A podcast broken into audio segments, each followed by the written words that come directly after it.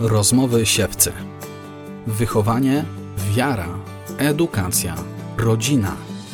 Zaprasza Jarosław Kumor. Moi kochani, jakże się cieszę, że kolejna rozmowa siewcy przed nami. Jakże się cieszę, że dzisiaj z Łukaszem Wilczyńskim z organizacji Open Doors, e, który e, dziś nam troszeczkę opowie o, mam nadzieję, przekazie wiary w krajach różnych, w krajach y, y, przede wszystkim, które cierpią y, prześladowania. Chrześcijanie w tych krajach cierpią prześladowania, tak pewnie najwłaściwiej byłoby powiedzieć.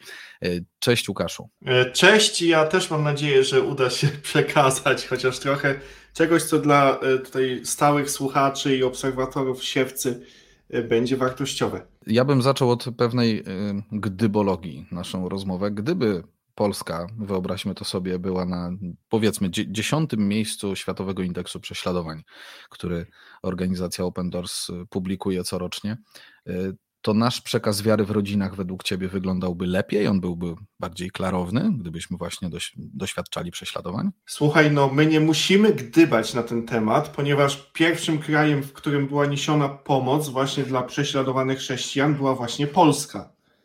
To zaczęło to jest... się w 1955 roku. My byliśmy na indeksie, ten indeks jeszcze nie był wtedy publikowany y, powszechnie, ale już jakby analiza sytuacji była robiona dużo wcześniej, jeszcze w czasie właśnie komunizmu. Ale tak my, myślę o tym, żeby to prze, przenieść y, też na czasy współczesne, nie? Bo, bo, bo pewnie y, będąc w różnych krajach, również tych na indeksie, światowym indeksie prześladowań, no to pewnie widzisz y, pewne różnice. Nie? I, I teraz, y, gdybyśmy spojrzeli na, na polską sytuację, dość mam wrażenie komfortową, a sytuację właśnie takiego dziesiątego kraju na tej liście, to y, ten przekaz wiary w rodzinie według Ciebie tutaj są zasadnicze różnice? Myślę, że nie, że w momencie, kiedy zależy też, kto jest, co jest źródłem prześladowań. Natomiast gdy człowiek nie może wyjść do kościoła, nie może pokazać się ze swoją wiarą na ulicy, gdy nie może gdy nie ma czegoś takiego jak lekcje religii, tak, czy msza dla dzieci, gdy dziecko nie może o swojej wierze powiedzieć na przykład w szkole swojemu koledze, koleżance,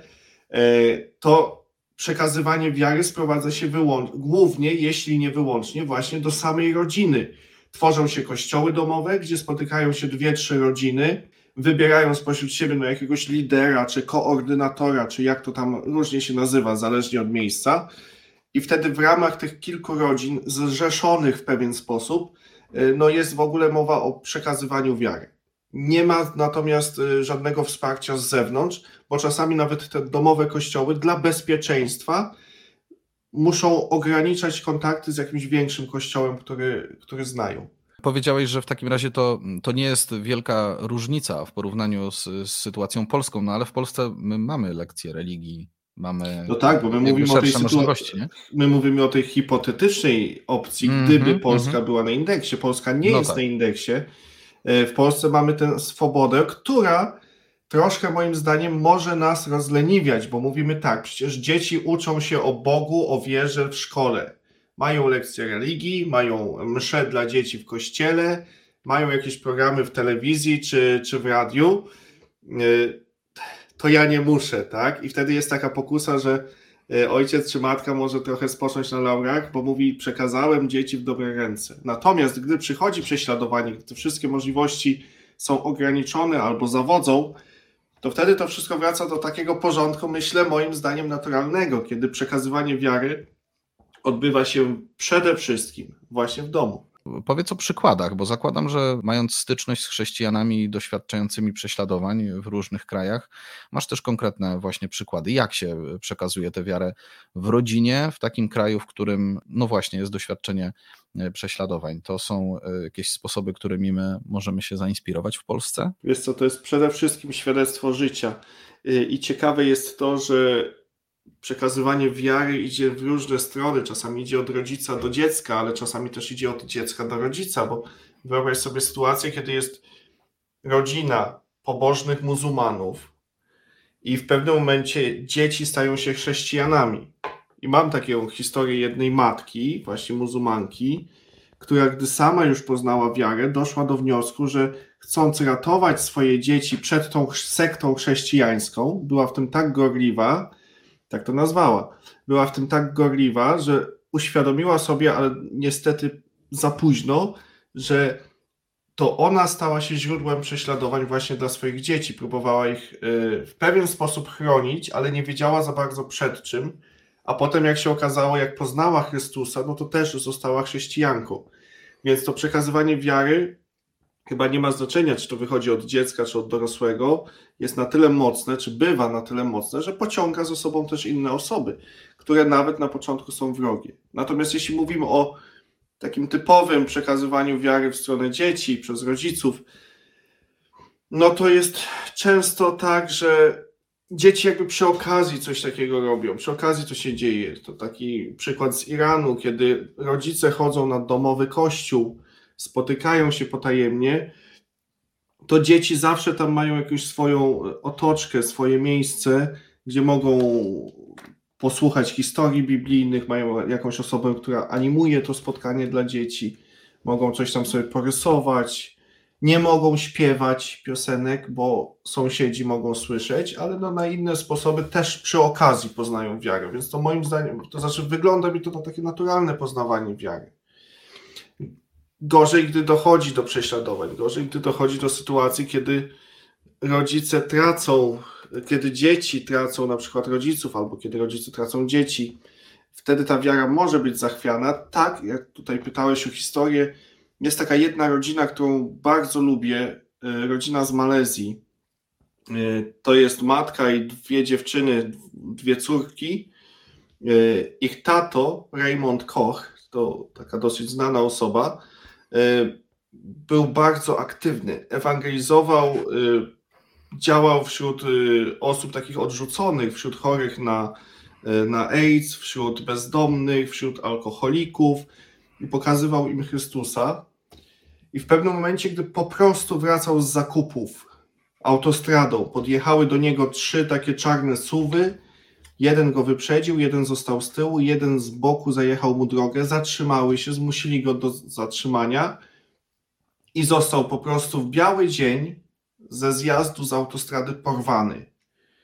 Były tam jeszcze dodatkowe osoby, które pilnowały, żeby za, żaden postronny kierowca nie zbliżył się do tego, co się stało. I to się wydarzyło w Biały Dzień. I w pewnym momencie jedna z tych córek, która wtedy pracowała w szkole, uczyła dzieci w tych klasach 1-3, tak, to przenieśmy tutaj na, na, na polskie realia, została wezwana przez dyrektorkę i dyrektorka mówi, słuchaj, siadaj i zobacz, podała jej telefon, mówi, zobacz, co o twoim ojcu piszą w mediach społecznościowych. No, ta popatrzyła na telefon, wybuchnęła płaczem, E, dyrektorka zawiozła ją do jej mamy, do domu, a tam no już płacz, już sąsiadki, które pocieszają tę matkę, Suzanę.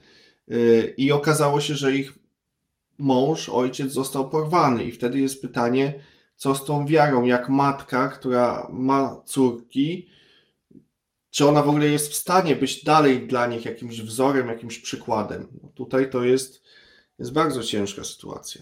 A jak y, ta historia się skończyła? Wiesz coś na ten temat? Wiesz co, jak rozmawiałem z Suzaną już jakiś czas temu, ja ją zapytałem, jak wyglądały u nich relacje rodzinne po, po tym porwaniu. Bo ciężko mi było wyobrazić sobie, że było tak sielankowo i tylko tam, nie wiem, czekały na powrót ojca. Y, ona powiedziała, że na początku było ciężko, że doszło do tego, że ich rodzina zaczęła się rozbijać, rozpadać. Najpierw każda z nich oskarżała siebie, wiesz, na zasadzie, gdybym mhm. tylko nie kazała mu jechać po te zakupy, albo gdybym wcześniej wróciła do domu. A potem e, wystąpiły przeciwko sobie nawzajem i ta rodzina się zaczęła rozpadać. I wtedy ktoś mądry poradził im, że słuchajcie, że to, o co musicie zawalczyć, to przede wszystkim o jedność w domu. Musicie walczyć o jedność, bo inaczej ta wasza rodzina się rozpadnie.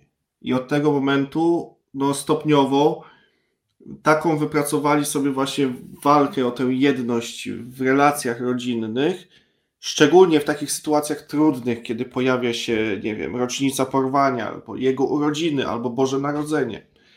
No jakoś trwają. Słuchaj, minęło już 6 lat już minęło w lutym tego roku i do dzisiaj słuch po nim zaginął. Nic nie wiadomo. Czy żyje, czy nie żyje, Prowadziliśmy tam kampanię pisania listów, wspierania tych kobiet.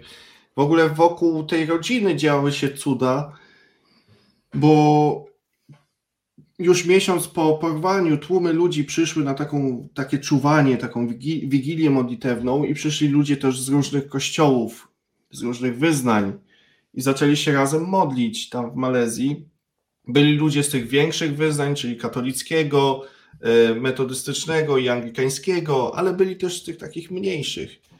I w sumie to nie było, i to cudem nie tylko było to, że się spotkali, tylko cudem było to, że nie spotkali się, żeby potem się rozejść i znowu tam się, wiesz, szturchać, mhm. tylko od tamtego czasu, 6 lat temu, wspólnie działają, żeby sytuacja chrześcijan się poprawiła. Cały czas jakby stoją w jedności. To są cuda wokół tej rodziny, które zaczęły się dziać. Natomiast o tym Raymondzie nic nie wiadomo. Niedawno czytałem relację o innym porwanym, który po siedmiu latach się odnalazł, więc tutaj też jest jakaś nadzieja, modlimy się o to, no ale, ale nic nie wiadomo. No tak, no a masz jakieś ty podejrzenia, czy wokół tej sprawy były jakieś podejrzenia? Tak, e, tak. Czy, czy, znaczy wiesz, pytam o, o, to tło religijne, bo mówisz o tym jakby w, i rozmawiałem w kontekście prześladowania chrześcijan. E, czy, czy ze względu na religię to mogło być porwanie, czy za tym mogło jakoś stać właśnie wyznanie tego Reymonda? Czy wiesz, za tym mniej więcej wiadomo, kto za tym stał, tylko nie da się udowodnić.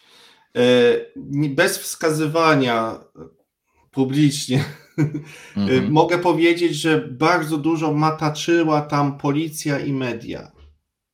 Że ta rodzina w pewnym momencie była poddana takiemu atakowi medialnemu, w którym wprost byli atakowani za to, że oni coś zrobili, że oni coś zrobili z tym swoim mężem i, i ojcem. Potem mhm. policja ograniczała im dostęp, dostęp do dokumentów, ograniczali im dostęp do, do śledztwa, e, przesłuchiwali w taki no, agresywny sposób, insynuując, że, że oni pewnie coś mataczą. Więc tutaj to jednoznacznie widać, że, że coś tam na poziomie władzy e, ktoś musiał być, jakaś jednostka, jakaś specjalna grupa musiała w to być zaangażowana bo y, ten porwany był y, kimś ważnym z punktu widzenia władz właśnie? On był głośnym, to znaczy on był znaną osobą. On był takim e, e, pastorem, ewangelizatorem, który w mediach się pojawiał.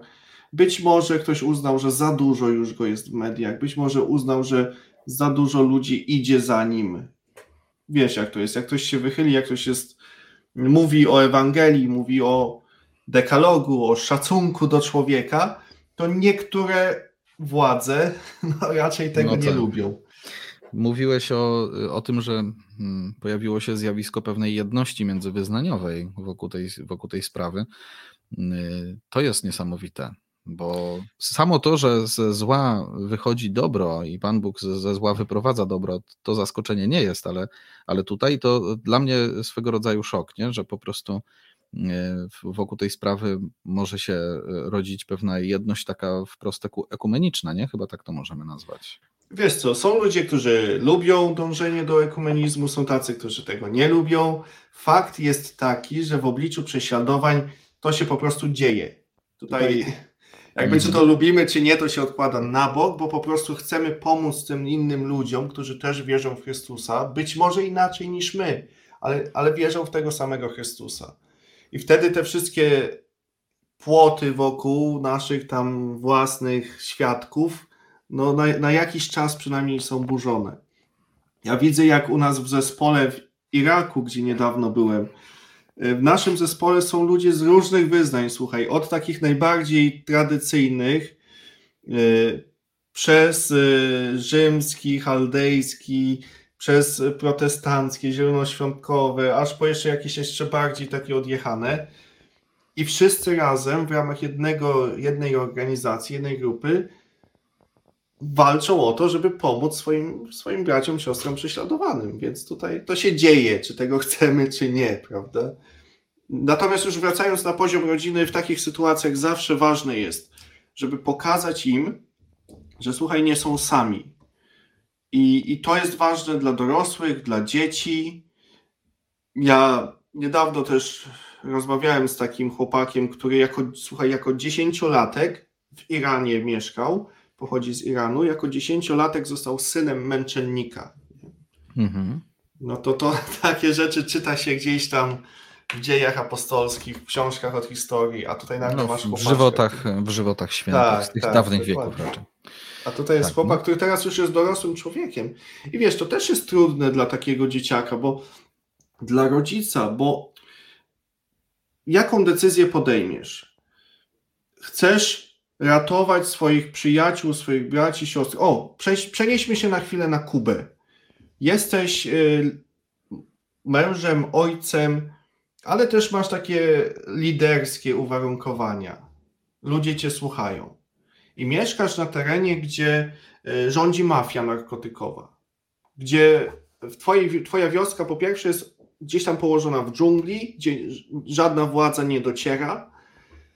Po drugie, zasady są mniej więcej takie, że jak dzieci mają, nie wiem, 5, 6, 7 lat, to mafia może przyjść i może je zwerbować do produkcji narkotyków. Gdy córka ma 11 lat, mafia może przyjść i zaproponować posag, w cudzysłowie, za rękę tej córki, czyli inaczej chcą ci zapłacić. Mówią, damy ci kasę, ty nam daj córkę, a jak nie dasz kasy, to ją po prostu sobie weźmiemy. Albo mogą przyjść po twojego syna i powiedzieć, ma już tyle i tyle lat, czas, żeby wstąpił do naszego gangu. Bierzemy go, nie? Możemy ci dać za to jakąś kasę, jeśli chcesz, a jak nie chcesz, to i tak go weźmiemy. No i jesteś też jedno, jesteś ojcem w takich warunkach, a jednocześnie chcesz coś zrobić z tym, co cię spotyka. Czyli chcesz na przykład uczyć dzieci, żeby zamiast do, do produkcji narkotyków mogły się z tego wyrwać, tak? Mówisz o szacunku do kobiet, o szacunku do dzieciaków, mówisz o dekalogu.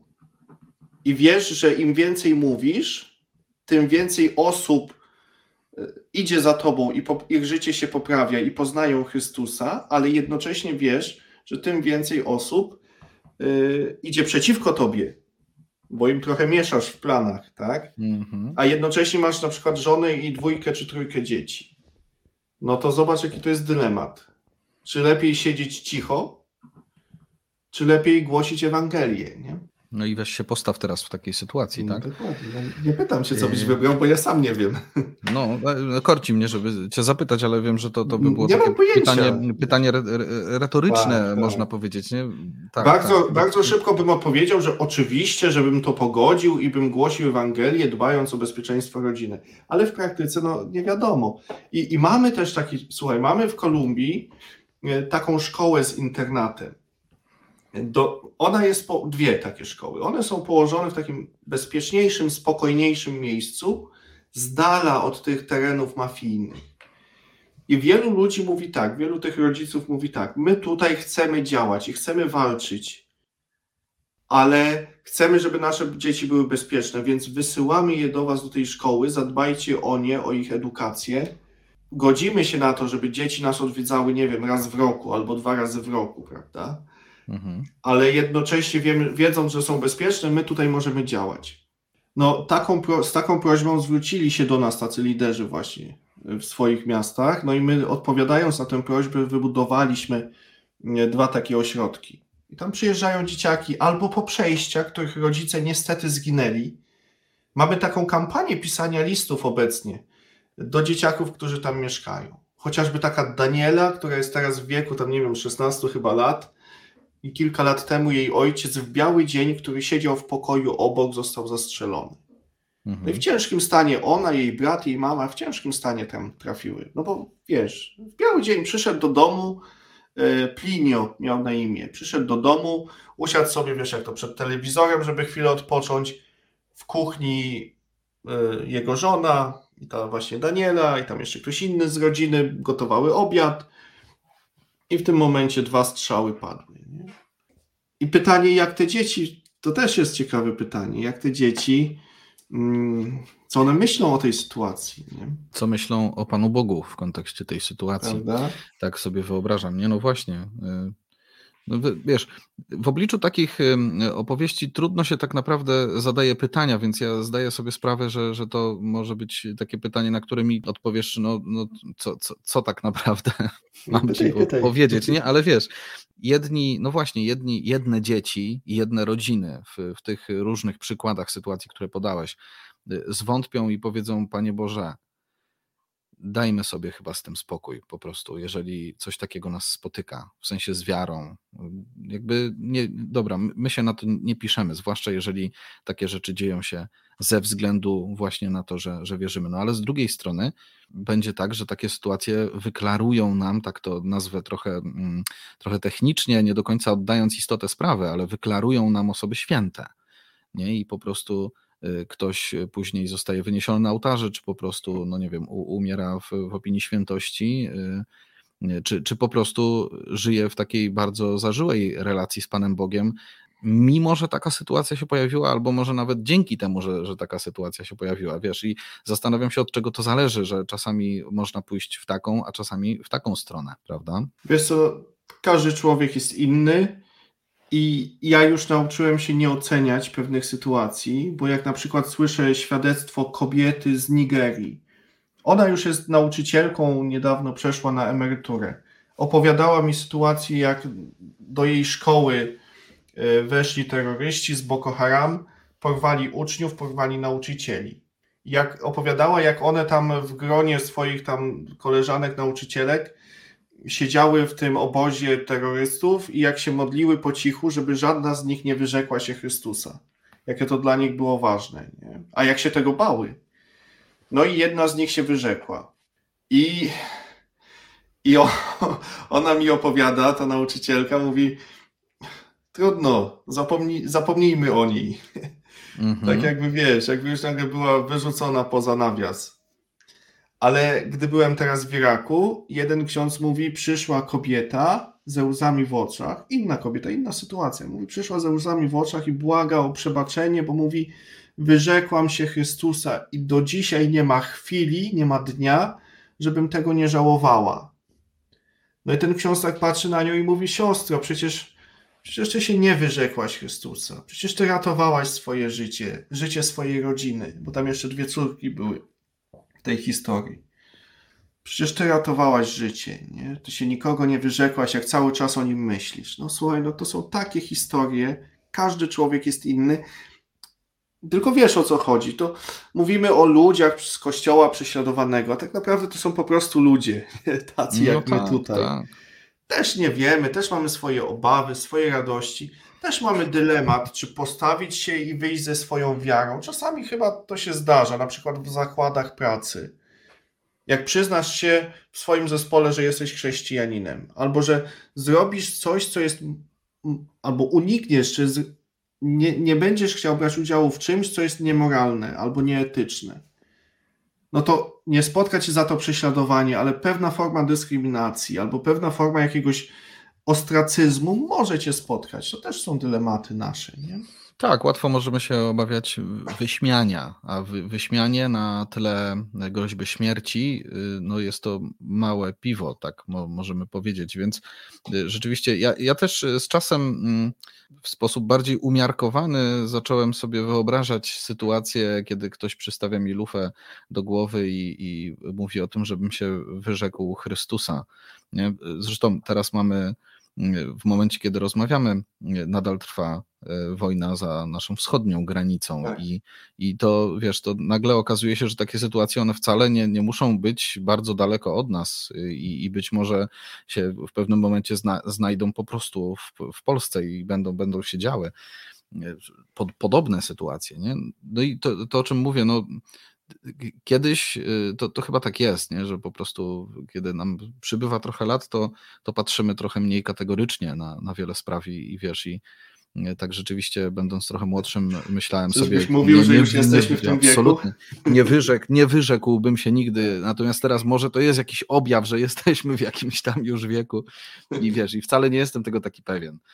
No my w Polsce jesteśmy w, mimo wszystko w dość komfortowej e, sytuacji, to co mówiłeś, możemy tak. wiarę przekazywać, nikt nam w tym nie przeszkadza, ale czasami właśnie to co mówiłeś, to jest taka sytuacja, kiedy możemy wpaść w pewne, w pewne uśpienie w, i teraz wiesz, myślę sobie o, o, o tym i o Ewangelii. Pan Jezus zapowiadał prześladowania. E, czasami myślę, czy to nie jest tak, że trochę prześladowania są takim naturalnym środowiskiem chrześcijanina. Może to jest za, za odważny sąd, nie? Ale, ale po prostu, y, jeżeli dopada nas takie uśpienie, to być może w ogóle z naszą wiarą jest trochę jako ojców, matek, rodzin coś nie tak, coś, coś, się, coś się wydarzyło. Słuchaj, no mówisz dokładnie to, dokładnie co powiedział mi jeden z biskupów kościoła katolickiego, kościoła chaldejskiego w Iraku, jak byłem tam jeszcze, jeszcze w tym roku. Posłuchaj, on mm -hmm, mówi tak, taki mm -hmm. biskup Polus, Paweł, mówi, powiedz tam w Polsce, że jeśli chrześcijanin nie doświadcza w swoim życiu prześladowania, to być może z jego wiarą, czy nawet, nawet chyba nie użył słowa być może, to z jego wiarą jest coś nie tak.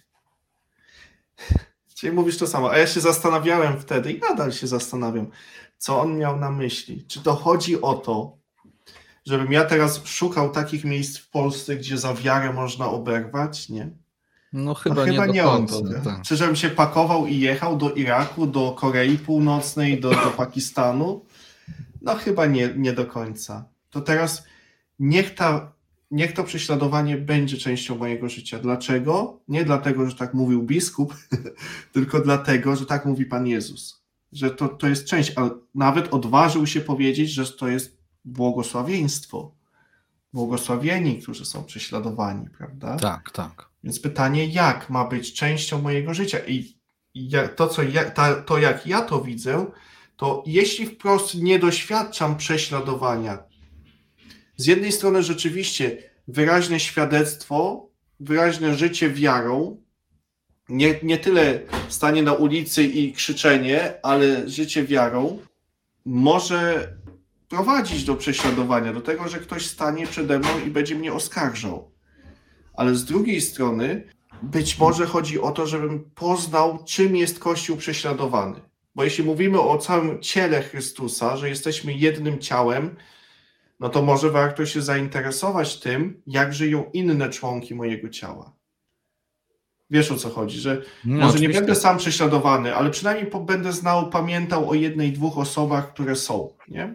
I będę się, się modlił, stanie, modlił, za, modlił za te osoby, nie? Bo też za, zapraszacie jako Open Doors do tak, modlitwy tak, tak. Za, za prześladowanych. Tak, tak. No właśnie, no w takim, takim, na, takim, no. na takim metapoziomie po prostu możemy no, doświadczać, może to za duże słowo, no ale w, jednoczyć się modlitewnie z tymi, którzy tak bezpośrednio doświadczają. Nie? Doświadczać na zasadzie nie ignorować, nie udawać, że nic się nie dzieje, nie zamykać oczu. My tak. co, codziennie publikujemy jedną króciutką intencję, za prześladowanych i, i bardzo często to jest intencja za konkretną osobę, z imienia, czasami z nazwiska, czasami to imię jest zmienione, ale z konkretną osobę wymienioną z imienia. Po co? Żeby właśnie pomyśleć, że dzisiaj, o na przykład dzisiaj obok tej konkretnej kobiety, wdowy dzisiaj, nie wiem kiedy to puścisz, ale akurat dzisiaj jest modlitwa za pewną wdowę. Stoją przy niej inni chrześcijanie i my w ten sposób jesteśmy częścią jej prześladowania.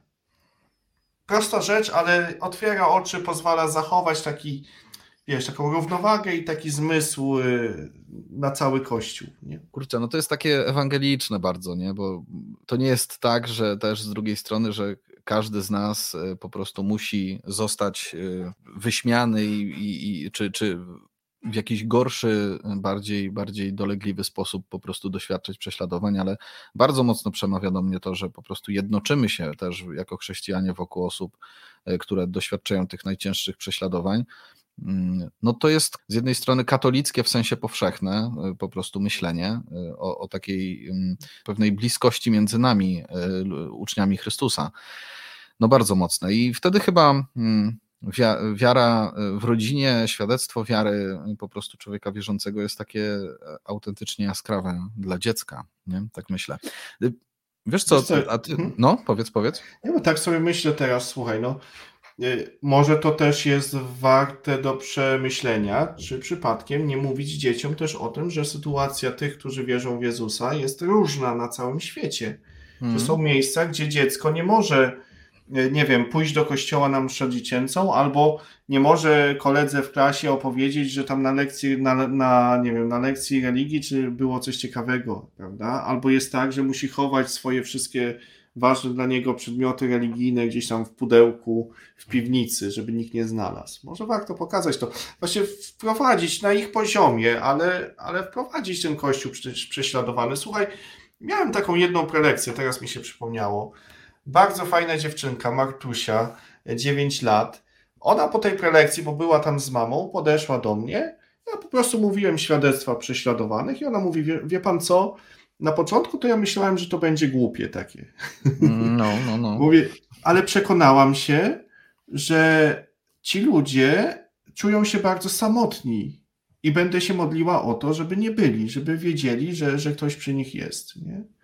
No mniej więcej tak powiedziała, ale dla mnie to było mocne, to było bardzo mocne słyszeć to od dziewięciolatki. No, niesamowite. Natomiast wiesz, w tym kontekście to przypominają mi się jeszcze, zdaje się, materiały, które wy jako organizacja Open Doors macie przygotowane też dla y, stricte mm, adresowane do dzieci. Nie? To, to może być jakiś też na, jakieś narzędzie takiego opowiedzenia dzieciom o różnych sytuacjach chrześcijan na świecie. Nie? Myślę, że tak. jest to takie pokazanie Kościoła e, z różnych stron. Tak, oczywiście no, do dzieci mówimy inaczej, też pokazujemy im inne materiały. Więc mamy takie fajne pakiety o nazwie Secret Kids, czyli tam ukryć, ukryte dzieciaki. Yy, I mamy tam, czy to indeks prześladowań, czyli tą mapę 50 krajów, ale zrobioną w takiej wersji animowanej dla dzieci. Mamy do tego ciekawe historie. Mamy, słuchaj, do tego E, takie coś, że jeśli dzieciaki chcą odkryć, o jakim kraju jest mowa w tej historii, to muszą rozszyfrować tę nazwę, muszą użyć tam specjalnej maszynki do rozszyfrowania tego. Oczywiście jest dużo naklejek, jest paszport modlitewny, bo wszystko sprowadzamy do tej modlitwy, czyli jeśli się pomodlisz za dany kraj, możesz sobie tam naklejkę przykleić. No, fa fajne materiały, może kiedyś się uda to pokazać. Y, bardzo angażujące i to jest coś, co cała rodzina może zrobić. To zajmuje 5 minut 10, można usiąść razem, porozmawiać o tym kraju, jakąś ciekawostkę powiedzieć, czy, czy to o Indiach, czy o Chinach, czy o Egipcie, czy o Meksyku i wtedy się pomodlić za tamtych ludzi. Bardzo łagodnie i wtedy pokazać dzieciom, że Kościół to jest troszkę coś więcej, coś, o czym oni jeszcze dużo nie wiedzą, ale że tam też jest kościół, tylko trochę inny, w innej sytuacji. No właśnie, swoją drogą, wiesz, takie geograficzne ciekawostki, to jest takie edukacyjne. Z, z, jednej strony nie, a z drugiej właśnie e, no, służy, służy przekazowi wiary w sposób, jaki no, może nam trudno przychodzić e, do głowy.